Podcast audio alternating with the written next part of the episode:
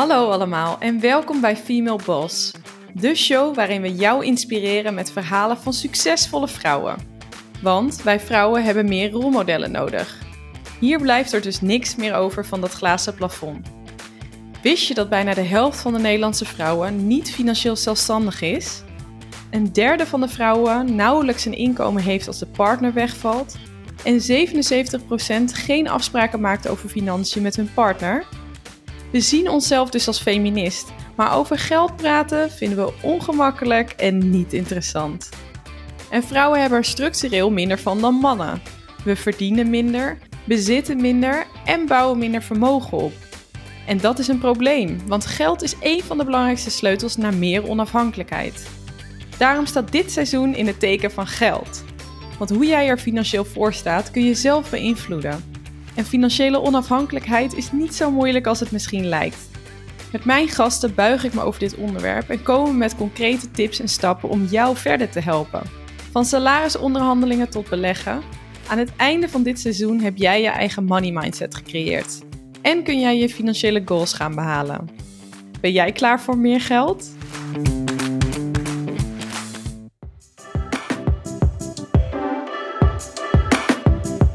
Nooit meer hoeven werken. Dat willen we allemaal wel. Met een passief inkomen kun je zo'n leven van financiële vrijheid bereiken. Maar is dit voor iedereen haalbaar? En hoe kom je daar dan? In deze aflevering ga ik in gesprek met Janneke van den Brink, ook wel bekend als financieel vrije vrouw.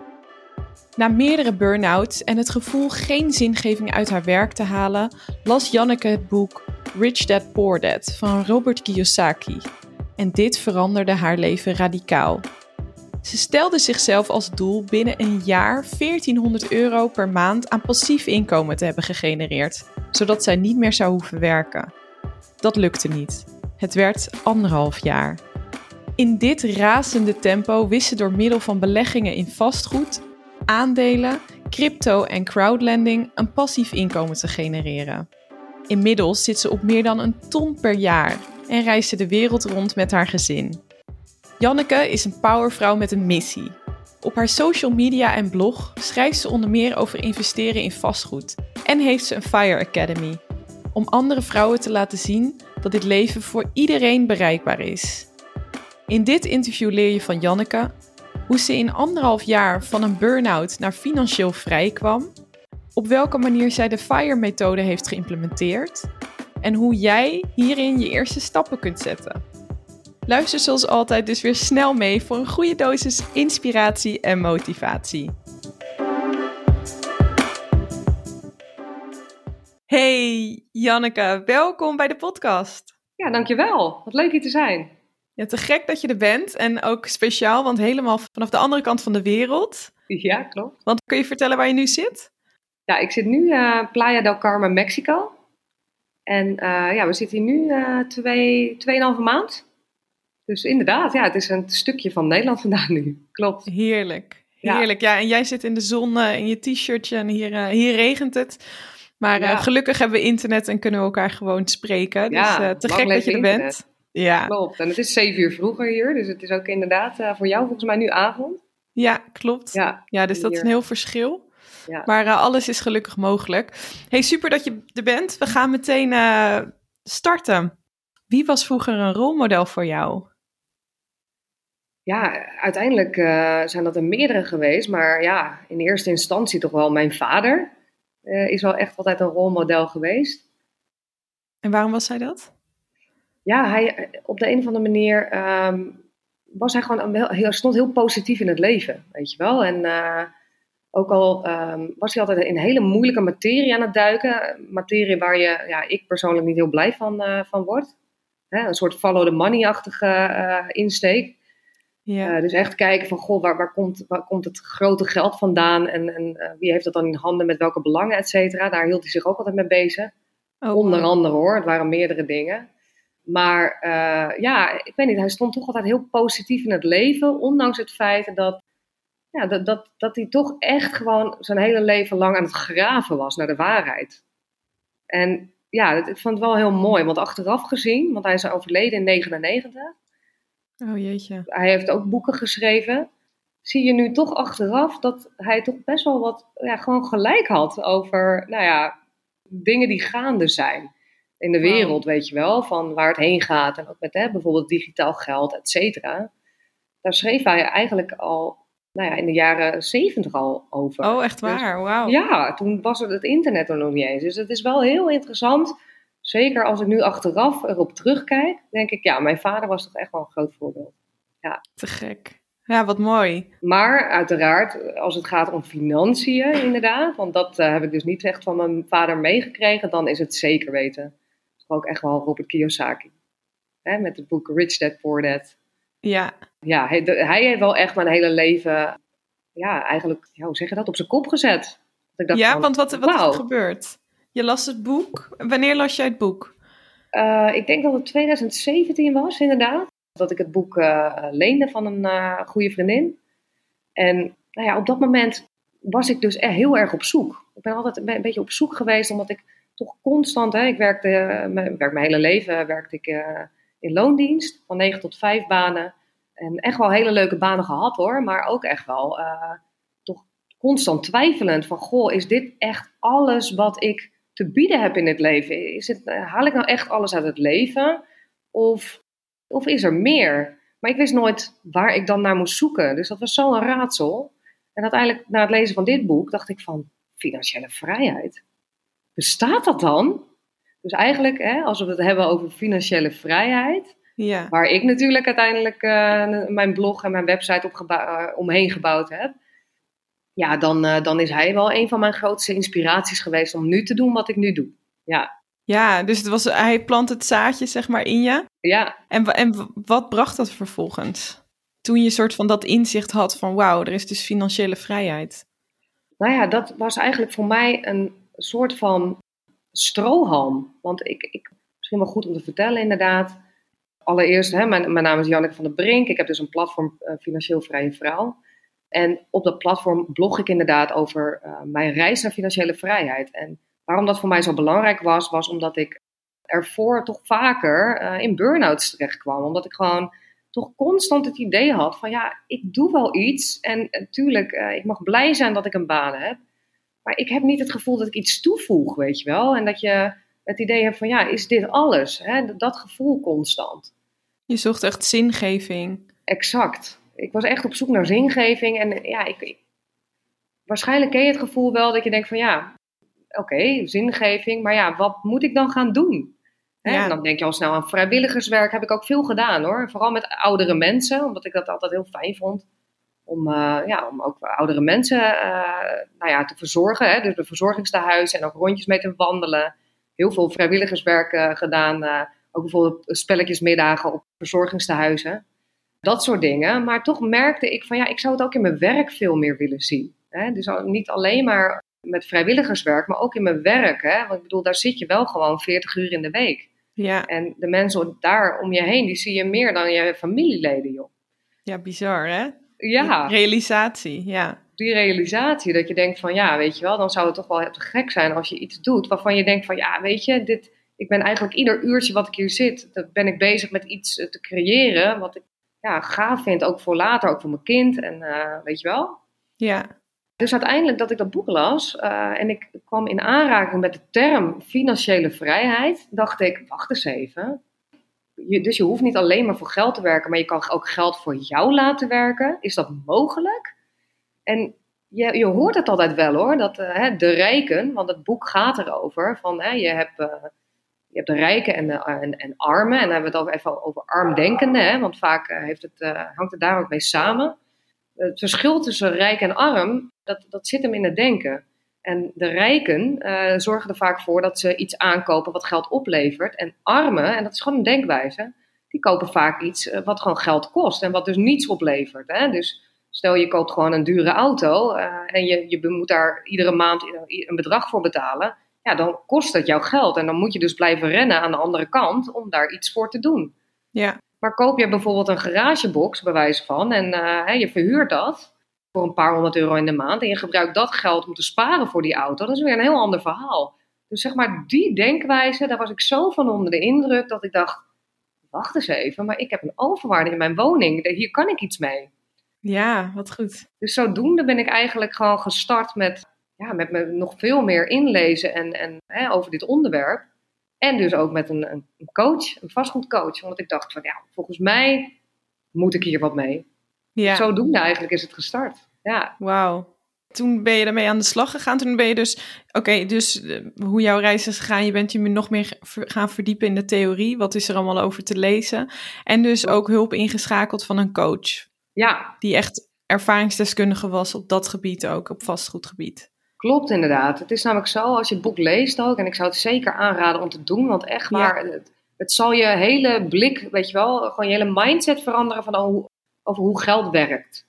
Je denkt namelijk altijd in termen van hoe je natuurlijk bent opgevoed, hoe jouw ouders jou altijd hebben gezegd hoe het was. Dat schulden alleen maar slecht kunnen zijn, terwijl je ook goede schulden hebt.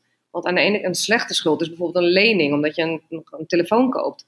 Maar een goede schuld, hè, dat levert niks op, dat kost geld. Maar een goede schuld is bijvoorbeeld, hè, wat ik al zei, dus gewoon een, een, dat je vastgoed aankoopt. En dat dat jouw passief inkomen genereert. Dus zeg maar, die lessen, als je dat al een klein beetje snapt, dan kan je een stap verder uh, nemen. En dat heb ik toen gedaan, want wat dus ook heel erg in het boek wordt gemotiveerd, is krik je financiële intelligentie op. Nou, toen ben ik op zoek gegaan inderdaad naar een vastgoedcoach. Dat was toen een van de weinigen, want echt in 2017 waren er nog niet zo heel veel vastgoedcoaches. En dat is uiteindelijk wel toegenomen en ik denk alleen maar goed hoor, want ik bedoel, hoe meer mensen het weten, hoe beter. Ja. En concurrentie geloof ik sowieso in, vrije markt, dus mm -hmm. prima. Maar inderdaad, ik heb toen een training bij hem gedaan, een half jaar, een half jaar traject eigenlijk. En ik was ook een van, hun, een van zijn eerste uh, leerlingen eigenlijk, cursisten. Maar hij had echt al 25 jaar ook ervaring op de beurs. En hij was dus al best wel een hele tijd ook aan het beleggen in vastgoed. En ja, toen kwam ik er dus achter van hè, hoe dat dan in zijn werk gaat. En dat het helemaal niet uh, hoeft te zijn. Dat je dus echt een gigantisch startkapitaal moet hebben om al in vastgoed te gaan. Ja, want dat beeld heb je natuurlijk een beetje. Want vastgoed klinkt natuurlijk ja. alsof het echt voor de rijken is. En het punt is, het is dus voor de rijken omdat het met mindset rijk te maken heeft. Ja. Want de armdenkenden, zoals ik, hè, ik bedoel, want ja, ik zat gewoon in het armdenken wereldje, zoals we allemaal zijn opgevoed, want dat is gewoon nu eenmaal wat we ons wordt geleerd. Is het zo dat je denkt van, nou, voor vastgoed heb je toch een hele klap geld nodig voordat je dat kan aanschaffen en daar iets aan kan verdienen.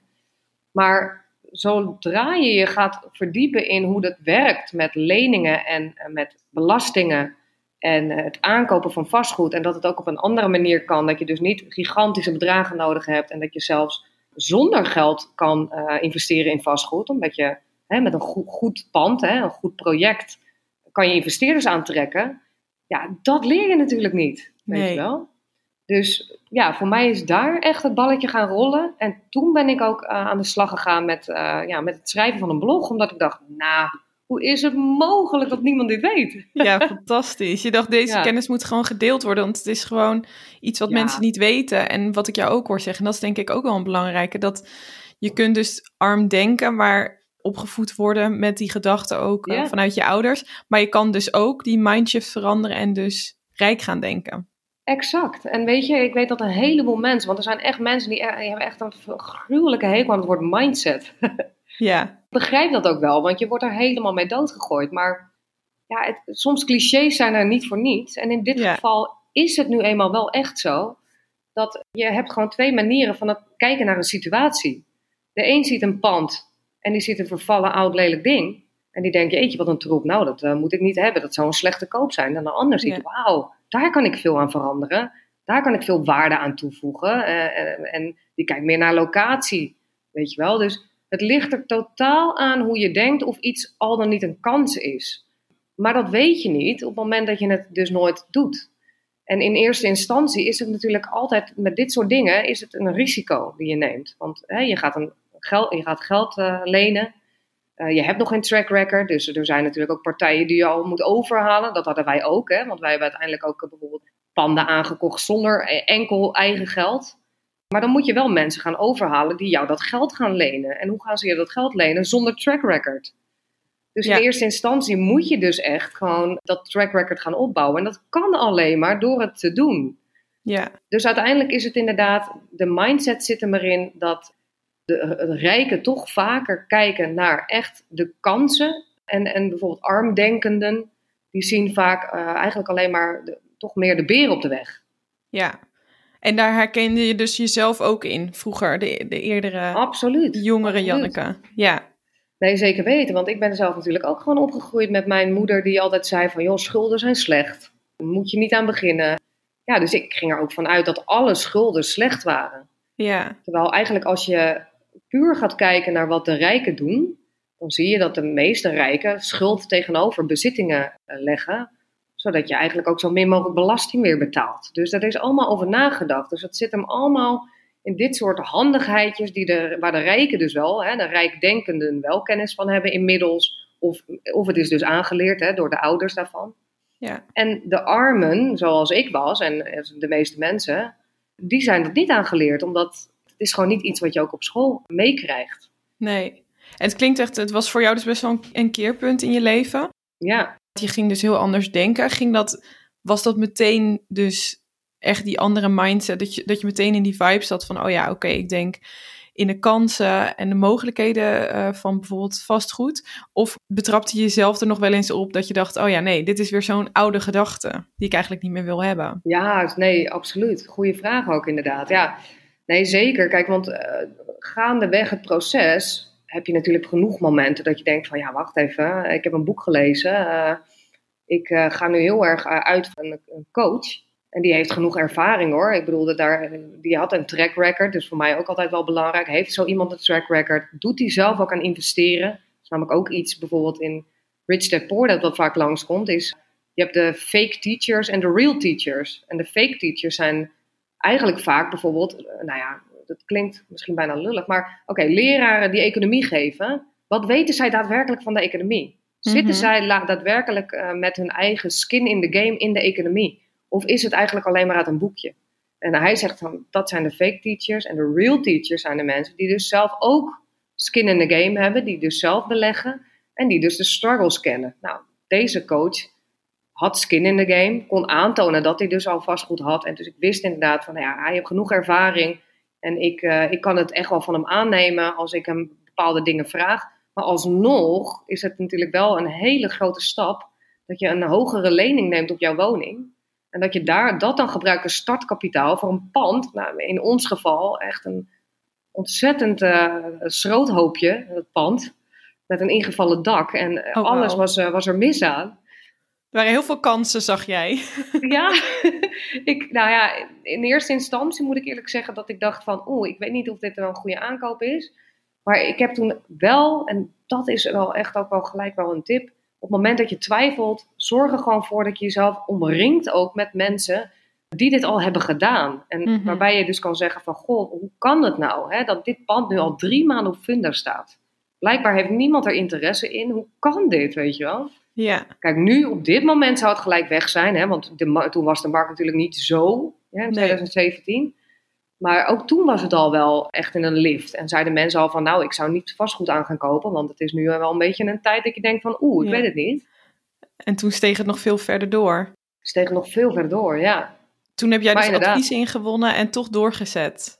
Ja, klopt. Dus uiteindelijk zeg maar die, die hobbel eh, die ik echt wel ook lastig vond om te nemen, heb ik uiteindelijk genomen door dus wel inderdaad constant me te omringen met mensen die dit al gedaan hadden. Ja. Die hebben me wel echt over de streep getrokken. En ik moet zeggen, en dat is dus ook inderdaad het ding, want ik hoor dus ook wel vaak dat mensen zeggen, ja, ik heb het boek al twintig jaar geleden gelezen of zo van Rich Dad Poor Dad. Bij mij deed het niks. Ja, bij mij deed het dus wel heel veel, omdat ik wilde vrijheid. Ik wilde af van dat, eh, dat rennen, hè, dat in een redrace vastzitten en het gevoel hebben dat ik het niet meer doe voor mezelf, maar dat ik het alleen nog maar doe voor het bedrijf waar ik in werk. Mhm. En dat het niet voelt als iets wat, ik, wat zingeving aan mijn leven geeft. Want wat is financiële vrijheid voor jou? Ja, dat is ook een goeie. Want kijk, financiële vrijheid is voor iedereen inderdaad heel anders. Ik had voor mezelf toen inderdaad een doel gestel, gesteld van nou, 1400 euro in de maand. Daar zou ik het mee moeten redden. Als ik Mhm. er dus voor zorg dat ik 1400 euro in de maand voor mezelf, hè, dat ging echt alleen maar om, mezelf, omdat ik mezelf allereerst wilde redden voordat ik Ja. ook inderdaad eh, mijn man zover kreeg met dit soort dingen. Maar ik wilde het voor mezelf inderdaad eh, organiseren, want dan was ik niet afhankelijk, hè, ook niet van mijn man. Maar dan kon ik er gewoon voor zorgen dat ik die 1400 euro, dat ik dan de vrijheid had om te kijken naar iets wat mij wel zingeving gaf. Dus inderdaad, bij mij ging het om 1400 euro in de maand. En daar ben ik echt gewoon naartoe gaan leven in een tijdsbestek. Hè, want ik had voor mezelf gezegd, ik wil het binnen één jaar bereiken. Oh, wauw. Binnen één jaar moet ik die 1400 euro in de maand uh, bereiken. Want dat moet kunnen, want mijn coach zei dat het kon. Nou. Oh ja, linksom of rechtsom, dat ging gebeuren. ja, het ging gebeuren. Het is niet gelukt, maar het maakt niet uit, want binnen anderhalf jaar lukte het wel. Oh, wauw. En uh, ja, toen dacht ik van, ja, kijk, dat is het. Op het moment, uh, ook Elon Musk heeft het ook wel eens uitgesproken. En het is echt fantastisch, want hoe, hoe, hoe, hoe langer je jezelf de tijd geeft, hoe langer het duurt. Ja. Als je zegt, joh, binnen 20 jaar ben ik financieel vrij, dan ga je het nooit eerder zijn. Nee. Dan heb je veel te veel tijd. Ja, ja. Dus uh, het ligt aan je pijn ook wel. Ja, en die voelde jij dus. En daarom maakte het zo concreet en wist je echt een doel op te stellen van... oké, ik weet hoeveel geld ik zou willen hebben voor mezelf... en ik weet wanneer ik dat zou willen hebben. Klopt. Zou je dat ook als cruciale stappen zien? Ook het waarom dus? Het waarom is heel belangrijk. Voor mij was echt het waarom dat ik dacht van ja, kijk, als ik zo door blijf gaan, dan blijf ik constant in die negatieve spiraal hangen. Waarbij ik dus e-, elke keer weer aanloop tegen mijn eigen grenzen. En dus of weer een burn-out krijg uh, of ongelukkig word. Ja, of ik uh, zorg nu voor een doel in mijn leven dat ik daar dus uitstap en dat ik dan wel verder kijk. Ja. En de grap was ook dat het echt gewoon na die anderhalf jaar ik dat bereikt had, ik zoveel zelfverzekerder in het leven stond. Oh, echt waar? Daar merkte je ook verschil dus aan? Ja, omdat zeg maar in mijn baan had ik niet het gevoel dat ik alles kon geven, omdat het ook niet meer helemaal voelde als mijn pad. Dus daar voelde ik me dan een beetje onzeker in, omdat ik dacht van ja, ik vind het wel jammer, ik zou alles willen geven, maar het voelt gewoon niet helemaal lekker. Maar aan de andere kant, omdat mijn persoonlijke doelen was ik zo lekker aan het bereiken, dat dat er echt voor zorgde dat ik dacht van ja, het maakt me eigenlijk helemaal niet meer uit. Ik weet dat ik het in ieder geval voor mijn persoonlijke privédoelen haal ik gewoon constant datgene wat ik wil halen. Dus ja. ja. misschien moet daar gewoon mijn volle focus dan uiteindelijk ook op. Maar ik heb dat wel dus naast mijn baan gedaan. Dus hè, wel naast het werken ben ik bezig gegaan met die financiële vrijheid. Dus als je aan, aan de ene kant niet blij bent met je baan, maar aan de andere kant wel je persoonlijke doelen behaalt, dan brengt dat weer die mooie balans. Ja, daardoor hield je het vol. Ja, ja, klopt. En uh, was dat ook je doel dan dat je na, na dus een jaar dus echt ook zou stoppen met werken dan? Ja, dat was echt het doel. Het doel was echt van ja, ik wil hier, ik wil niet meer afhankelijk zijn van een baan. En het moest ook niet zo zijn dat ik dan afhankelijk word van mijn man. En dat hij dan maar in een, een baan moet gaan vinden om ons allebei te kunnen uh, voeden, bij wijze van. Ja, dat hij dan in die red race bleef zitten. Dat hij dan in die red race blijft zitten, maar dat ik gewoon nog steeds mijn eigen boontjes kan doppen. Maar uh, dat ik wel ondertussen ook kan kijken naar de dingen die ik gaaf vind om te doen. En dat ik ja, daar gewoon veel meer energie van krijg. Ja, te gek. Ja. En hoe hield je vast aan dat doel? Want nou ja, anderhalf jaar, het, is ontzettend kort om te horen wat je hebt bereikt. Maar ik kan me ook wel voorstellen, ja, je bedenkt zoiets. Hoe hou je daaraan vast? Uh, eigenlijk op het moment dat je, dat is wel echt zo. Het, is een, het heeft wel echt te maken met een brandend verlangen. En als je dat brandende verlangen niet hebt, dan is het moeilijker te bereiken. Kijk, voor mij, dat is wel echt zo. Kijk, voor mij, het verlangen was zo groot, dat ik dacht, ja, het liefst morgen bewijzen van, maar dat, is gewoon te kort. Dus, nou ja, dan één jaar, weet je wel. Ja. En ik zag mezelf eigenlijk al in die vrijheid. En dat is eigenlijk, op een gegeven moment als je een doel stelt en je ziet al voor je dat je het bereikt hebt de hele tijd, en dat, dat had ik ook. Dus ik had ook echt dat vision board, weet je wel, waar ik dus mhm. iedere dag naar kijk. En het is weer zo grappig ook dat ik. Dus afgelopen week was ik eh, op mijn Instagram uh, ook, was ik dus vragen aan het beantwoorden. En toen keek ik ook weer naar die, uh, mijn eerste vision board. En daar stond nog die wereldbol op. Ja, fantastisch. Maar die was ik helemaal vergeten. Die was ik helemaal vergeten. En daar stond nog geen groen vinkje bij. Maar ik was helemaal, omdat ik naar dat vision board niet meer gekeken heb, dacht ik, oh ja, maar nu dus wel. Ik zit nu in Mexico, dus ik kan dat vinkje ook alweer zetten. Ook al was dat niet gelukt in een jaar, wat ik dus ook wilde. Want ik wilde toen ook naar Japan, et cetera. Dat is nog niet gelukt, maar gaat zeker ook nog zeker gelukken om daarheen te gaan. Ja. Maar inderdaad, je ziet dan dat zo'n vision board, alleen maar door het al te bedenken dat het zo is, dat is zo'n kracht die bijna onbeschrijfelijk is, dat je er gewoon heen beweegt. Linksom of rechtsom. Ja. Dus echt het, einde, het einddoel al in zicht. Dat is wat je helpt. En had je daar nog specifieke momenten voor? Want je keek dus naar je vision board en zag je dan ook echt voor je? Probeerde je dan ook te voelen hoe, hoe het dan zou zijn als je daar was? Ja, eigenlijk door het kijken naar die. eh, ik had eigenlijk gewoon de, de visuals uitgeprint zoals ik het voor me zag, zoals ik erbij zou zitten. En dat heb ik op het bord gezet. Maar uiteindelijk had ik wel echt gewoon iedere keer mijn weekdoelen. Dus dat ik echt wel keek van, nou ja, we gaan zoveel panden bekijken. eh, hoeveel panden heb ik überhaupt nodig hè, om, om dit bedrag binnen te halen? Of hoeveel passief inkomen heb ik nodig? Want ik moet wel heel eerlijk zeggen dat ik er al vrij snel over uit was. Dat ik niet per se echt heel veel panden wilde bezitten. Omdat heel veel vastgoed is ook wel weer alleen maar focussen op één beleggingsvorm. Terwijl eigenlijk vanaf het begin af aan ik al wel zoiets had van ja, wat nou als de vastgoedmarkt helemaal instort of hè, zoals nu, dat het al heel lastig wordt voor starters überhaupt om aan een woning te komen. Wij zijn dus daarom ook al heel snel overgestapt bijvoorbeeld op transformaties. Hè? Dus gewoon leegstaande winkelpanden omzetten naar woningen. Om, om dus woningen Oh weer ja. aan de markt weer toe te voegen. Dus dat je veel meer probleemoplossend denkt. Ook al is dat echt, joh, ja, ik weet niet of dat nou per se eh, ontzettend eh, inspirerend is om te doen. Omdat het echt onwijs veel gezeur ook wel is met, met de vergunningen en zo. Oh, de gemeente is helemaal niet echt staan te springen hoor, om eh, dat- dat je woningen bijvoegt, gek genoeg. oh wauw. Maar inderdaad, ehm, ja, wat ik eigenlijk gewoon merkte was van die, die weekdoelen inderdaad, gewoon elke keer eh, gewoon kijken van nou, welke doelen heb ik? Die elke keer afstrepen, dus elke keer een goed gevoel van oké, vinkje, vinkje, vinkje. Volgende week, oké, dan gaan we dat bereiken. Vink, vink, vink. En dan maak je de hele, voor het hele jaar maak je eigenlijk wel een beetje een planning. Ja, Waar, waar wil je heen gaan? Ja, dus je had een groter doel, je wist waar je naartoe ging. ja. Je voelde alsof je daar was, maar je knipt het eigenlijk op in kleine stapjes. Is dat dan ook zodat je het gevoel hebt iedere week van, oh, ik heb iets behaald? Dat je ook die motivatie houdt? Zeker, ja. En, en soms is het ook demotiverend hoor. Want zeker vastgoed, dat duurt altijd langer dan je wil. Ja, Überhaupt al met het aankoopproces, met het überhaupt al reageren op een bod. Wachten op vergunningen. Hè? Want in onze eerste, onze eerste belegging was ook inderdaad eh, een eh, dakkapel eh, vergunning gevraagd.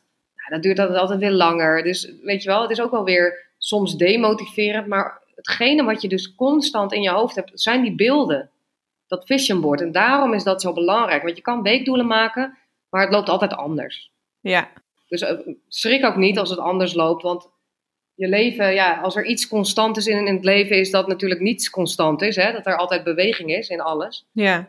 Dus ga je daar ook vooral niet aan vastklampen. Maar hou gewoon je eigen einddoel in, in zicht. En zorg er ook gewoon voor dat, stel dat er inderdaad blokkades zijn of, of hobbels, dat je dat in je hoofd blijft houden. ja. Daarom is dat dus zo belangrijk. Ja, En dat je toch iedere keer een stapje weer dichterbij komt. klopt. Nou ja, in jouw geval ook een mooi voorbeeld. Ja, Hey, en ik kan me voorstellen, er zitten nu mensen te luisteren die denken: oké, die is dus in anderhalf jaar financieel vrij geworden. ja. Hoe heeft ze dat gedaan? Jij noemde al net een aantal vormen. Je hebt in ieder geval dus dat eerste pand met dus de overwaarde van jouw eigen huis. Dat heb je dus als lening opgenomen, begreep ik. En daarvan dus Ja. een, een ver- vervallen pand. Zo klonk het een beetje ja gekocht. klopt. met het idee om die te flippen. Eh, nee, ja, verhuren eigenlijk. Dus eh, we hebben het gesplitst. Inderdaad in twee studio's en verhuren het aan een stichting. Maar we hebben het inderdaad wat groter gemaakt. En we hebben alles, eh, we hebben het ook veel meer hè, energielabel eh, proof gemaakt. Dus echt wel, oh ja. Mij was het energielabel G of zo. Dus we zijn naar C gegaan. Oh ja. wo- woning uit 1900. Dus dat is Oh, heel moeilijk om dat in A te krijgen. Bijna onmogelijk. Ja. Maar dat was dus het eerste project. En ja, dat heeft eigenlijk al, alle- alleen al dat heeft een, eh, bijna een jaar geduurd. En daar dus de passieve inkomsten uit. En ernaast hadden wij dus ook inderdaad bijvoorbeeld valutahandel, wat we daarnaast deden. En dus aandelen. Hè? Dus de overwaarde van mijn woning heb ik bijvoorbeeld ook maart 2020 was dat. Hebben wij toch ook best wel een gedeelte daarvan in ETF's vastgelegd. Eh, maar juist weer met een daling in de markt, wat dus nu op dit moment allemaal weer gestegen is. En om, ook al zijn de, de markten nu aan het dalen, zien wij nog steeds wel een stijging in onze portefeuille, wat dus echt wel heel fijn is. ja. Maar inderdaad, ja, dat zijn meerdere dingen geweest. En laat je dat geld er dan ook in zitten? Is dat voor de langere termijn? Of haal je dat dan uit om echt weer actief te gaan eh, herbeleggen? Ja, we kunnen eigenlijk beide dingen doen. Eh, dus je zou, we zouden inderdaad dividend kunnen laten uitbetalen, want ieder kwartaal krijg je dat automatisch gestort eh, op je beleggingsrekening en dan kan je het eraf halen. Maar goed, inderdaad, om daar echt van te kunnen leven, moet je wel echt wel heel veel geld eh, erop hebben staan. Dus, nee, dus eigenlijk wat wij nu doen is het compounden. Dus elke keer, hè, dat compounden is het rente-op-rente effect. En dat betekent dus eigenlijk dat op het moment dat je dus een rente ontvangt, een rendement, dat je dat dan weer in een ETF stopt. Zodat het uiteindelijk zorgt voor een exponentiële groei in je portefeuille. Ja, Dus dat is voor de langere termijn. Maar inderdaad, het ging bij mij ehm, puur, zeg maar, die, die 1400 euro per maand is gebaseerd op, zeg maar, niet... Want eigenlijk hebben wij nooit de passieve inkomsten gebruikt, maar we hebben het eigenlijk constant weer gecompound, hè, heet dat dan. Dus dat je het weer herbelegt, omdat Mhm. je op die manier weer sneller groeit. Ja, Maar theoretisch gezien, die 1400 euro was gewoon heel belangrijk dat, we, dat ik in ieder geval zou kunnen stoppen met werken als het zou moeten. Dat je dan wel inderdaad een salaris hebt. Maar het begon ook natuurlijk onderhand, hè, als je eenmaal daarmee bezig bent, wordt het ook bijna wel een beetje een verslaving. Hoe gaaf het is om te zien dat je, dat je van geld geld kan maken. ja, En dat je dus kan compounden. En dat je dus eigenlijk alles dus wat je weer verdient, als je dat dus direct weer inlegt, dan gaat het weer veel sneller. Omdat je dat rente-op-rente effect weer krijgt. En om, vooral voor mensen zoals wij, hè, in ieder geval voor mij ook vooral, wilde ik gewoon dat Jacco zo snel mogelijk ook kon stoppen met werken. ja, Dus wij hebben met name in het begin alles wat we dus extra verdienden, inderdaad aan de, huurinkomsten en aan valutahandel en eh, aandelen, et cetera, hebben we allemaal weer teruggestopt. En nou ja, dat is dus uiteindelijk weer gaan groeien. Dus zodoende, ja, is hij nu eigenlijk ook vrij. Dus dat is wel echt wel heel, tof. Ja. Ja, te gek. En toen konden jullie ook gaan reizen daarna. ja, dat reizen moet ik ook wel zeggen, een beetje zo gegroeid. Het was onze grootste droom om samen te ondernemen en om overal ter wereld te wonen. Dus dat staat er misschien nog wel een beetje los van. Want dat reizen, ja, dat is altijd al een droom geweest van mij. Maar dat hing altijd een beetje samen met, eh, dat had ik ook op mijn vision board gezet. Dat ik dan met mijn laptopje op een strand zou zitten, ergens eh, op een strand in Mexico, hè? Of op Curaçao, of eh, waar dan ook. En dat we dan wel gewoon mooie dingen konden creëren samen nog. Maar dat je dan wel inderdaad zo vrij bent om overal te gaan en staan waar je wil. Dus zeg maar, ik weet niet of dat helemaal samenhangt met het financiële vrijheidsideaal. Want mijn financiële vrijheid, en dat is misschien ook wel belangrijk om bij te vertellen, dat ging er met name om dat ik de vrijheid had om ergens voor te kiezen, om te werken, om iets te doen wat ik echt heel tof vind. En daar heb ik nu de vrijheid voor. En zeg maar dat ik dat nu kan doen vanuit ieder land wat ik ja, zelf kan kiezen.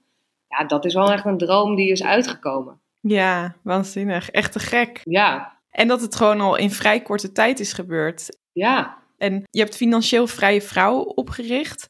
Met welk doel Ja. heb je dat gedaan? Ja, eigenlijk, uiteindelijk merkte ik gewoon dat ik tegen heel veel vrienden elke keer aan het vertellen was over wat ik aan het doen was. En ik merkte eerlijk gezegd dat, ja, dat er gewoon niet zo heel veel mensen waren die echt actie ondernamen, maar die wel heel geïnteresseerd waren, weet je wel. Ja, En dat, het frustreert enorm eh, als je inderdaad iets vertelt en er wordt niet zoveel mee gedaan, maar je bent toch constant hetzelfde verhaal aan het vertellen. Dus uiteindelijk heb ik toen een keer gedacht van, nou weet je wat, eh, mijn eerste vastgoedbelegging, ik schrijf het gewoon helemaal uit. En dat wordt dan gewoon een, een website op een website. En dat was dus inderdaad Financieel Vrije Vrouw. Ik dacht van, nou dat is wel leuk, want het is een soort dagboek. En dan kan ik ook gewoon schrijven op, daar dus mijn blogs maken over datgene wat ik er zelf aan het doen ben. En hè, nou ja, hoe ik dat ervaar. Bijvoorbeeld ook uiteindelijk niet alleen vastgoed, maar ook crypto kwam daarbij. En crowdlending. En allerlei blogs geschreven over de dingen die ik deed. En dat, dat praten zoveel makkelijker. Ook met vrienden. Omdat hè, als ze dan vragen hadden, dat ik zei van, nou ja, hier is mijn blog. Ik zou zeggen, eh, lees het. ja. En eh, succes. En wat voor reacties kreeg je daarop? Ja, eh, dat, dat is dus echt, eh, want dat is het ook. Hè. Op een gegeven moment is het natuurlijk best wel belangrijk hoe je je tijd indeelt. En je wil natuurlijk ook die vrijheid behouden en niet constant met iedereen maar bakjes drinken om te vertellen wat je dan gedaan eh, hebt. Ja, Dus uiteindelijk, ja, wat ik in het begin heel erg merkte als ik erover vertelde. Kijk, sowieso familieleden die zeiden van, joh, hè, schulden, eng, moet je niet doen. ja, Eh, dat kan totaal de verkeerde kant op gaan. Wat nou als de markt volledig zakt en je krijgt een margin call van de bank. En nou ja, allemaal kommer en kwel en ellende natuurlijk. Dus dat is natuurlijk ook wel een beetje demotiverend. Maar wat mij echt wel constant op de been hield, was ook wel dat ik... Hè, want ik was op dat moment ook bezig met de marathon. Hè, en ik, eh, ik had me opgegeven voor, voor de marathon van Rotterdam. eh, 42 kilometer rennen. oh wauw, te gek. Ja, eh, precies. Dat was echt eh, super heftig. Want het was ook echt op eh, 6 april, kan ik me nog herinneren. En het was echt 26 graden of zo op die Oh dag. jeetje. Super warm inderdaad. Alleen door het hardlopen luisterde ik constant boeken. En ik luisterde naar boeken als Think and Grow Rich bijvoorbeeld. Ja, heerlijk. En dat boek hield me heel erg op de been. Omdat ik, daarin wordt ook echt wel verteld van ja, je wordt heel vaak van je plan afgepraat. Door eh, goed bedoelde adviezen van familieleden, van vrienden. Die echt zeggen van ja, oké, tof wat je doet, maar hallo, uh, als het zo uh, makkelijk was als dat jij dat zegt, dan zou iedereen het toch wel doen? Of Ja. uh, hè, waarom zou jij dat dan wel kunnen, et cetera? En dat is best wel demotiverend. En op het moment dat je die boeken dan luistert, dan denk je van nee, dit is natuurlijk gewoon een reactie van onze programmatie. Die van ons, iedereen krijgt dat mee. Hè, lenen is gevaarlijk, schuld hebben is slecht. In vastgoed gaan is alleen maar voor rijke mensen. En wat nu ook een hele vervelende is, is dat vastgoedbeleggers de schuld krijgen van, de- van de woningnood. Ja, Terwijl dat totaal niets met elkaar te maken heeft. Dat heeft puur te maken met het feit dat banken weer veel te hoge leningen uitgeven. En dat daardoor inderdaad natuurlijk weer een bubbel komt te ontstaan in de markt. ja, En dat is heel lastig, want je bent jezelf, vooral als vastgoedbelegger, altijd jezelf aan het verantwoorden. Van nee, nee, ik bedoel het goed en eh, ik ben geen huisjesmelker. Maar dan elke keer denk je weer van, oh ja, weet je wel, eigenlijk, we moeten maar gewoon niet luisteren naar mensen die er, die er niet heel veel weet van hebben, hoe het echt daadwerkelijk in elkaar steekt. En dus ook geen advies aannemen van mensen die dus niet staan op een positie waar jij in wil, in wil staan, weet je wel? ja. Nee, heel Dat is herkenbaar. wel een van de lessen ge- geweest. Dat je denkt van, ja, wacht eens even. Waarom luister ik eigenlijk naar Pietje? Ik bedoel, hij woont eh, bij wijze van, hè, ik zeg Ja. Hij woont drie hoog achter op een plek waar ik nooit zou willen wonen. Eh, met honderd katten. Ja, ik wil dat niet. Dus waarom moet ik naar hem luisteren? Ja, precies. En het is allemaal Ja. goed bedoeld, maar daardoor is het lastig Tuurlijk. soort van te, te zien dat het niet het juiste advies is. Nee, exact. Ja. en weet je, het, precies wat je zegt. Het is goed bedoeld. En ik wil ook echt niet zeggen dat eh, als hij hartstikke gelukkig is, dan is dat helemaal prima. Maar het is inderdaad meer dat de blik van iemand anders, het perspectief, dat hoeft niet te stroken met de werkelijkheid. Dat is iemands perspectief over een situatie. En ik zie het ook heel veel in de journalistiek. Want je ziet heel vaak bijvoorbeeld opiniestukken over investeerders, beleggers, et cetera. Dat je denkt van ja, maar dit is dus een perspectief vanuit een links georiënteerd iemand. Die dus echt heel erg denkt van ja, als, als kaap je van alles weg. En dat is oneerlijk. Maar dat is dus niet waar. Want kijk, in mijn perspectief zie ik dus weer heel veel mensen die juist willen creëren. En die een goed huurderschap willen voor de mensen. En die juist willen uh, iets voor de lange termijn uh, willen ontwikkelen. En als die mensen niet zouden bestaan, wat denk je hoe de wereld er dan uit zou zien? Weet je wel? Ja, ja. Dus het is maar het is interessant. Ja, het Ja. perspectief en ook wat voor impact het heeft. Want ik vertelde ook eh, aan mijn moeder over de beleggingshorizon en hoe dat eruit ziet. En toen zei Ja. ze ook, ja, maar is dit echt zo? Want als dit echt zo zou zijn, dan zou toch iedereen het doen? Wat Ja. jij net eigenlijk ook al zei. Maar dat is het natuurlijk. Het is gewoon gebrek aan kennis en, eh, ja, en dat Klopt. die, echt die oude overtuigingen die, eh, die er nog zijn. En die wij ook als jongeren zeg maar natuurlijk weer meekrijgen van onze ouders. Dus dat is best wel een grote overgang. En ik merkte bij mezelf ook dat toen ik me hiermee bezig ging houden, dat ik ook een beetje dacht van nou, kan je het wel vertrouwen? Het lijkt zo ver weg dat je denkt Ja. van oh ja, ook beleggen. Wat als überhaupt er nou geen beurs meer is? Weet je wel, Ja. dan is mijn geld gewoon ineens weg. Precies. Dus die onzekerheid is meer omdat je er natuurlijk te weinig van weet. Ja, en omdat je, precies wat je zegt, je krijgt het gewoon niet mee op school. Dus ik, ik had dat ook, precies zoals jij. Maar wat heel veel mensen niet beseffen is, hoe veilig is hun baan op dit moment? Als ik mezelf als voorbeeld eh, neem. Ik werkte zeven jaar bij een uitgeverij, ik had een vast contract. En bam, in één klap eh, was er een reorganisatie, ik was mijn baan kwijt. Wauw. En je bent dan één inkomen, ben je verwijderd eigenlijk van armoede. Hè? Als je het gewoon even heel erg simpel bekijkt. Want Ja. als dat je enige inkomstenstroom is, dan is er gewoon armoede, punt. De beurs wordt vaak gezien als iets wat gokken is. Maar het is natuurlijk verre van gokken als jij dus in een bedrijf investeert. Die je dus al, gewoon bedrijven die dus, hè, als je bijvoorbeeld de jaarverslagen leest. Als je ziet wat voor plannen ze hebben. Als je ziet dat ze het financieel heel goed doen en dat ze heel erg zijn voorbereid op de toekomst, dan is dat verre van een slechte investering, omdat het veel meer een risico zou zijn om al je spaargeld bijvoorbeeld op de bank te laten.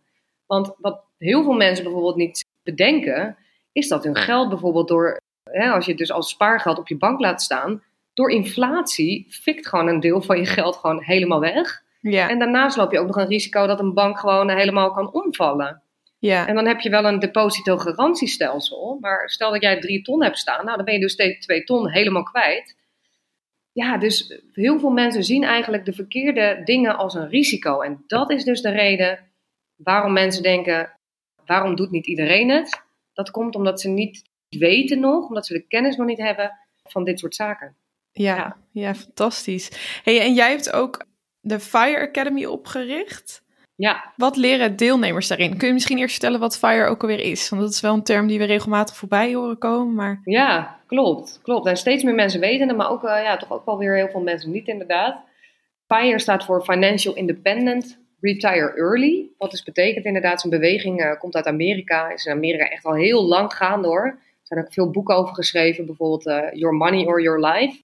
Is volgens mij echt de aanzetter geweest van deze hele beweging ook. En daarna zijn heel veel mensen op aangehaakt. En ook echt wel, hè, bijvoorbeeld grote, bijvoorbeeld Tony Robbins heeft het over financial uh, independence. En natuurlijk Kiyosaki. En het wordt nu ook echt wel overal, uh, hoor je het uh, nu. En het gaat er eigenlijk om dat jij ervoor zorgt dat, vooral met FIRE is het zo dat je je spaarquote verhoogt. Dus dat je bijvoorbeeld alles wat je verdient, want vaak is het zo, heel veel mensen verdienen bijvoorbeeld, ik zeg maar wat, hè, stel je verdient 2000 euro in de maand. Maar je geeft, aan het, uh, je geeft gewoon per maand ook 2000 euro uit. Punt. Dus dan heb je aan het einde van de maand dus niks over. FIRE gaat erom dat je bijvoorbeeld in extreme gevallen, zijn er in Amerika zijn heel veel mensen die dat doen, die gaan dus kleiner wonen. Die mm-hmm. nemen een kleinere auto of helemaal geen auto, die gewoon aan lenen, et cetera. Die zorgen er dus voor dat ze een spaarquote hebben, zodat ze dus een, een van de twee, dat gebeurt heel veel, dat er twee inkomstenstromen zijn er, hè, man en vrouw bijvoorbeeld, vrouw en vrouw, whatever. Ja. En één van de inkomstenstromen wordt volledig gespaard. Nou ja, of niet echt gespaard, maar wordt belegd. Dus, en eigenlijk met, met het beleggen dus van één van die twee inkomstenstromen zorgen er dus voor dat, ja, dat je dus over zoveel jaar, dat gaan ze dan helemaal berekenen ook, over zoveel jaar ben je dan, kan je dan pensioneren. Omdat je dus op basis van een rendement bijvoorbeeld van een 7%, heb je zoveel jaar nodig om met dit exacte bedrag financieel vrij te worden. Dus dan gaan ze ook berekenen van, nou, wat is mijn magic number? Mijn magic number, ik zeg maar wat, hè? Nou, bij mij was het 1400 euro in de maand. Ja. Stel dat het 2000 euro in de maand is, dan gaan ze helemaal berekenen. Nou, als ik nou, stel we verdienen met z'n tweetjes 4000. Eén van die twee gaat 2000, het hele salaris gaat, wordt aan de kant gezet voor beleggingen. En dan gaan ze gewoon berekenen van, nou, hoe lang heb ik dan tijd nodig om bijvoorbeeld op de beurs, want vaak is dat ook, FIRE is echt veel, uh, we hebben het over ETF's, langere termijn. Mhm. Iets veiligere beleggingen ook natuurlijk ja, hoe lang duurt het dan voordat ik dan volledig vrij ben en niet meer hoef te werken? En die beweging, zeg maar, daar gaat mijn Fire Academy over. Alleen, nou ja, hè, zoals ik al zei in het begin, ik ben dus ook bezig gegaan met vastgoed en met uh, beleggingsvormen die iets, uh, nou ja, gewoon risicovoller waren. Ja. Waardoor het wat sneller behaald is. Ja, heel snel. ja, heel snel behaald inderdaad. Maar nog niet snel genoeg voor mij, hè? want ik wilde een jaar en dat werd Ja. anderhalf. Maar jij hebt niet je, je verwarming op 15 graden hoeven te zetten? Of, eh, Nou, dat is eh, goed dat je het vraagt. Want eigenlijk wel. Ik heb eh, wel inderdaad dat eerste jaar heb ik echt zoveel dingen ook uit mijn woning gehaald en verkocht. Ik heb een auto eruit gegooid. Ik ben mijn auto gaan verhuren via Snapcar. Ik heb onwijs veel abonnementen eh, opgezegd, omdat er Oh, gewoon ja. zoveel abonnementen waren waar ik ook geen gebruik van maakte, weet je wel. En, en, en, nou ja, Netflix ging er uiteindelijk ook uit, want daar had ik echt geen tijd meer voor. Eh, is wel weer terug hoor, moet ik zeggen. Maar eh, Spotify, dat soort dingen, ehm, dat, dat ging er gewoon uit. Omdat ik dacht van ja, dat zijn dus wel allerlei dingen waar ik mee kan beleggen. Weet je wel, dus ja, je zag gewoon overal kansen. exact. En ook echt als je ziet, joh, eh, gewoon bereken het is. Als je iedere dag bijvoorbeeld 2,50 euro eh, gewoon een, eh, een cappuccinootje haalt bij het pompstation. Joh, bereken dat per maand. En dan eigenlijk bij al die kleine bedragen waarvan je denkt, ah joh, maakt niet uit. Bereken dat voor de grap. Ja, Vaak kom je dan uit op honderden euro's per maand wat je kan beleggen. ja. En dat is wat we wel gedaan hebben. Allemaal een soort van bullshit aankopen die je eigenlijk dus heel zinvol kunt besteden. En die je ook niet echt mist. Daar hadden we het ook met de Hanneke van de Onne over. De money coaches. Eigenlijk Ja. mis je dat helemaal niet. Maar je moet ze wel weg gaan strepen. En inderdaad, wat je zegt, eerst inzichtelijk maken. Zodat je weet, oh ja, waar Ja. zitten die, eh, die lekjes eigenlijk, hè? Dat is precies wat het is. En eh, dat is het, dat vond ik persoonlijk ook het lastigst. En ik moet zeggen dat ik er nu weer ben hoor. Dat we denken van, oh ja, dan gaat best wel weer veel uit. Het wordt weer hoog tijd om weer alles in kaart te brengen. Omdat voor je het weet zit je ook weer een beetje in, eh, oh nou oké, prima. Hè? eh, We verdienen weer, et cetera. En het, het gaat allemaal lekker. En, maar op een gegeven moment denk je wel van, ja, waar, waar, waar geef ik nu eigenlijk allemaal abonnementen aan uit? Ook als ondernemer, hè? Ja, Van, hè waar, waar gaat al dat geld heen? ja. Dus daar moet je alert op blijven. Het is niet dat je een minder leuk leven leidt door daarop te gaan letten. Maar gewoon Nee, bewust zijn van je aankoop. Klopt. Uiteindelijk zie je gewoon dat er heel veel geld weglekt door uh, even gezellig met vrienden uit eten te gaan bijvoorbeeld. En dat is super leuk, absoluut. Alleen wij hebben dat gewoon omgeruild. En gelukkig had ik best wel veel gelijkgestemde mensen om me heen die ook zo dachten. Dat ik gewoon zei van, joh, zullen we lekker in het Vondelpark gaan zitten met een flesje wijn en een kleedje. En uh, dan nemen we zelf onze hapjes mee. Heerlijk. Nou, uh, zelf muziek mee, super leuk, super gezellig, weet je wel. En dan heb je het ook gewoon prima. En tuurlijk hè, kan ik me voorstellen, hè, als heel veel mensen, als mensen je constant uitnodigen, ook op verjaardag is het vaak zo hoor, van ja, de eerste paar drankjes uh, krijg je van mij, de rest hè, moet je dan betalen, moet je dan zeggen nee, ik ben fire, dat wil ik niet, et cetera. Ja. Maar probeer gewoon dan heel erg gewoon specifiek keuzes te maken. Van nou, één keer in de maand, prima. Maar verder ga ik bijvoorbeeld gewoon niet meer één keer in de week uit eten. Maar we maken ervan, en dat is natuurlijk al hartstikke veel. Maar stel dat het één keer in de maand was. Dat je gewoon zegt, nou dan ga ik die ene keer in de maand niet uit eten. Maar gewoon leuk met vrienden kokkerellen. Ook hartstikke leuk. Ja, precies. Ja. Dus het is een beetje een andere manier van denken. En de Fire Masterclass eigenlijk, waar het doorheen leidt, is allereerst echt gewoon je mindset. Hè? Weer dat woord. Maar het is mindset gaat je helpen. Want op het moment dat jij op een bepaalde manier blokkades hebt over geld, dan ga jij niet komen bij jouw doelen. Dus als jij denkt, ja, dat kan ik niet, of dat, dat is niet voor mij weggelegd, of ja, maar, maar ik ben anders opgevoed, of wat ik ook heel vaak hoor is, ja, ik heb de mensen niet om me heen zoals jij. Oh ja. Uh, ik ook niet. Ik had ze ook niet. Totaal niet zelfs. En ik merk ook dat mijn surroundings zijn ook gewoon veranderd nu. Weet je wel? Omdat je kan maar één keer je tijd besteden. En dus is het ook wel belangrijk om mensen om je heen te hebben die je ook wel echt wel kunnen helpen in jouw doelstellingen. Ja, dus die belemmerende overtuigingen die spelen een hele grote rol. En dus je omgeving, zeg maar, met wie verbind je, met wie heb je om je heen en welke mindset hebben die mensen? Je wordt het gemiddelde van de vijf mensen met wie je het meeste optrekt. Ja, precies. En dat is een hele bekende, maar het is echt waar. Want uiteindelijk ben ik me inderdaad toch echt wat meer gaan omgeven met mensen die dus verder waren dan ik. Ja, en als je ziet hoe snel je zelf dan gaat liften, dat is bizar. Ja, waanzinnig. En heel veel mensen zien het echt als, als uh, ontoereikend. Van ja, ja hoor, anderhalf jaar uh, financieel vrij.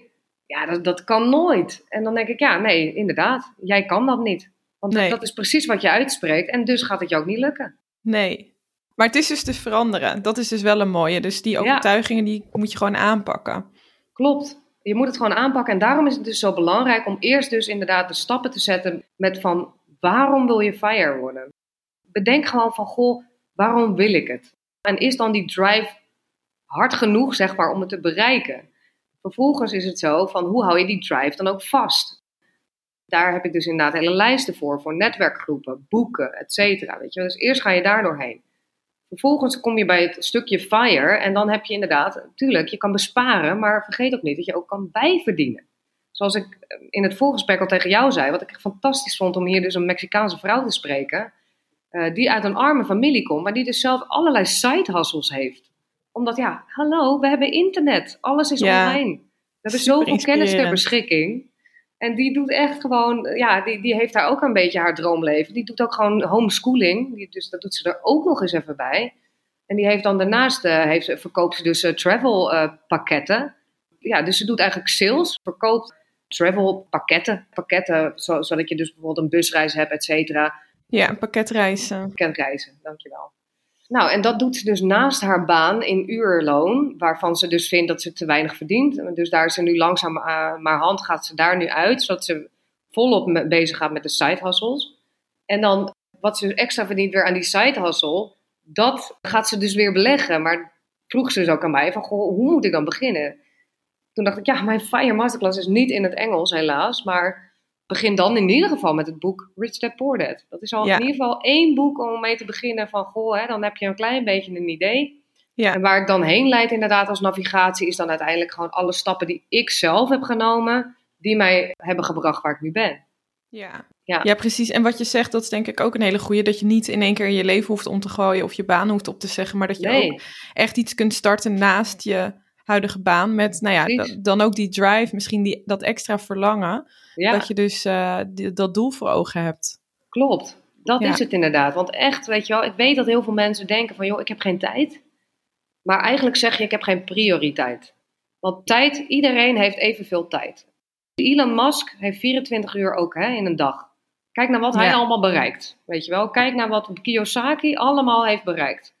Die mensen hebben evenveel uren in een dag. Allemaal. Ja, precies. Dus het is niet zo dat je geen tijd hebt. En ook die mensen hebben kinderen. Hè? En ook die mensen hebben zelfs. Kijk naar Tony Robbins. Ook die mensen komen uit een slechte familie. Hebben een vreselijk slechte jeugd gehad. Met zelfs mishandeling. En zijn vernederd. Maar laat je verleden gewoon rusten. En bedenk gewoon: iedereen heeft 24 uur in een dag.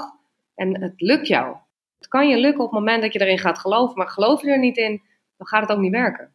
Ja. Ja. Wat zou je zeggen dat jouw gro- grootste learning is in deze reis? Ja, de grootste learning is toch echt wel dat je bent nooit uitgeleerd eigenlijk. Ik dacht eigenlijk had ik het idee van, nou, als ik dan financieel vrij ben, nou, dan ga ik lekker Dan chillen. ben ik er. Ja. ja, lekker chillen in een hangmat met een eh, cocktail erbij. En, eh, Ja. Ook al drink ik niet, maar niet meer. Maar inderdaad, cocktail erbij. En ehm, ik had echt zoiets van, dat, dat is dan wat, wat fijn is, wat je wil. En, maar wat het fijnste wat ik dus vind aan deze reis, is natuurlijk de reis zelf. Achteraf gezien. Als Ja. ik die reis niet had gedaan, net zoals jij nu deze podcast hebt. Je zal zien, het leuke is namelijk aan het, hè, het hebben van een podcast bijvoorbeeld, dat je gewoon weer mensen ontmoet. En dat je daar ook wel weer, hè, in heel veel gevallen bij ons ook, hè, weer vriendschappen mee maakt. Dan ga je een keer een bakje mee doen. Je leert daar weer van. Je zorgt er gewoon voor dat, ja, dat de surroundings weer veranderen. En dat je weer op een andere manier kan gaan denken. Precies. ja. Ja, dus eigenlijk dat heb ik ervan geleerd. Dat de reis naar het doel toe het allerbelangrijkste is. En als, het- als je het doel hebt bereikt, ja, dan ga je toch wel weer op zoek naar een nieuw doel. Weet Ja. je wel? ja, precies. Dus eh, uiteindelijk blijf je altijd onderweg. En dat zal je doen tot aan je dood. Het hoeft ook niet je einddoel te zijn. En, en eh, heb dat dus ook niet in je hoofd. Hè? Dat van, nou, als ik het behaald heb, dan... Nee, je blijft altijd onderweg. En blijf dus ook vooral leven in het nu. Want dat is dus echt wel een ding. En ook een nadeel aan mijn leven nu. Dat soms, hè, je bent eigenlijk altijd bezig met de toekomst. Van, nou ja, dat zijn mijn doelen die ik wil bereiken. Terwijl Ja. uiteindelijk heel veel dingen waar je al heel gelukkig van kan worden, dat zit natuurlijk al eens al lang om je heen. Ja. En hoe doe jij dat? Ja, toch eigenlijk door heel bewust ook gewoon dagen mijn telefoon helemaal uit te zetten. En gewoon niet bezig te zijn en te plannen. Vrije tijd in te plannen. Zeker op het moment dat je dus je passie hebt gevonden, in mijn geval. Want ik dacht, nou, als ik financiële vrijheid bereik, dan kan ik op zoek gaan naar mijn passie. Maar de reis zelf werd mijn passie. Ja, ja, ja, precies. Dus toen werd dat geeft moment- zingeving nu. Exact, dat geeft, dat geeft nu zin- zingeving.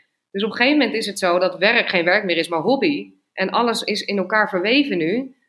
Vrienden eh, zijn ook tegelijkertijd degene met wie ik werk. Alles is door elkaar. Wat dus wel maakt dat je eigenlijk dus nooit meer werkt, maar ook nooit meer vrij bent.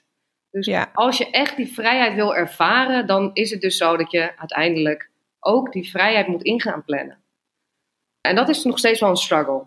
Vind ik af en toe nog wel moeilijk, omdat je het, omdat je het zo leuk vindt om te doen. Ja, precies. Ja, ja, ja, dat het een valkuil wordt, je passie, zeg maar. Ja, maar Passie dat kan ook net, valkuil, ja. wat je net zei, het blijft natuurlijk voor altijd eh, dat je in ontwikkeling blijft. Dus dat is ook wel weer mooi natuurlijk. Ja, exact. Dus zeg maar de mooiste les is eigenlijk dat het, dat stopt nooit. Dus eh, denk ook niet van, "Ah, in de toekomst ben ik er en dan ga ik genieten. Nee, het proces zelf moet je echt van genieten. Want als ik ook, soms moet je gewoon eens kijken naar je eigen, als je gewoon terugkijkt van wat je allemaal bereikt hebt. Of kijk eens in je telefoon, scroll eens door wat foto's heen, wat je allemaal gedaan hebt.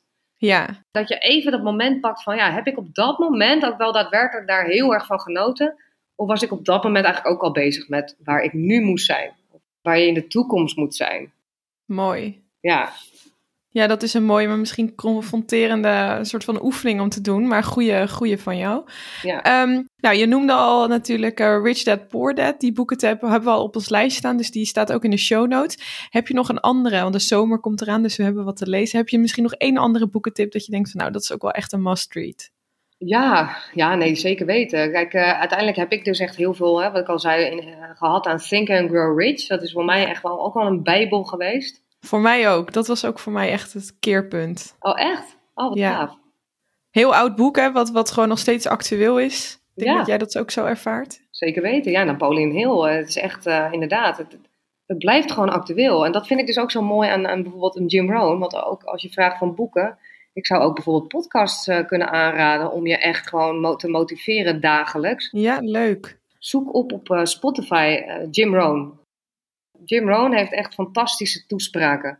Dus als je er heel even doorheen zit en je denkt echt even van, joh, het is allemaal, allemaal, het is allemaal gebakken hier, uh, het gaat me toch niet lukken. Dat gebeurt bij mij natuurlijk ook regelmatig, bij iedereen.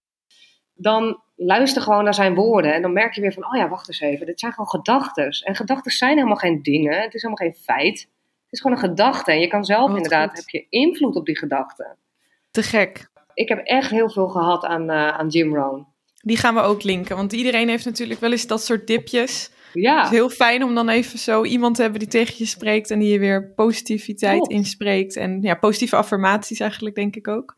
Ja, het is eigenlijk bij hem nog niet eens echt affirmaties. Ook al is het wel stiekem misschien, weet je wel. Omdat de plan natuurlijk ook een zaak is in je hersenen en dat gaat dan automatisch zo doorwerken. Maar ik denk dat echt constant naar hem luisteren was. Hij is ook een, een van mijn grote leermeesters geweest omdat hij heeft zo'n fijne stem. Hij heeft humor, weet je wel. Want ik moet eerlijk zeggen, ik vind Tony Robbins ook geweldig. Alleen zijn stem vind ik heel lastig om naar te luisteren. Want hij heeft zo'n schorre stem, weet je ja, wel. Ja, ja, En Jim Rohn is ook een van zijn mentoren geweest. En hij heeft gewoon een hele fijne manier van praten. En het is gewoon, hij heeft onwijze humor. En hij is totaal niet hard. Dan Peña kan dan echt heel hard uit de hoek komen. Maar hij is gewoon, ja, ik weet niet, het is gewoon een hele fijne vent om naar te luisteren. En elke keer inderdaad had ik dus van, nou, zat ik er doorheen. Dan heb je echt vaak genoeg. Er komen genoeg hobbels. Je ook nu weer, joh, als je ook weer ziet met dat reizen en waar je natuurlijk ook weer tegenaan loopt. En bijvoorbeeld dat we nu eigenlijk soort woningloos zijn. En dat we ons moeten uitschrijven uit Nederland na acht maanden. En dat zijn allemaal dingen weer waar je denkt van, oh jeetje, wat een uh, moeilijkheid allemaal. Ja.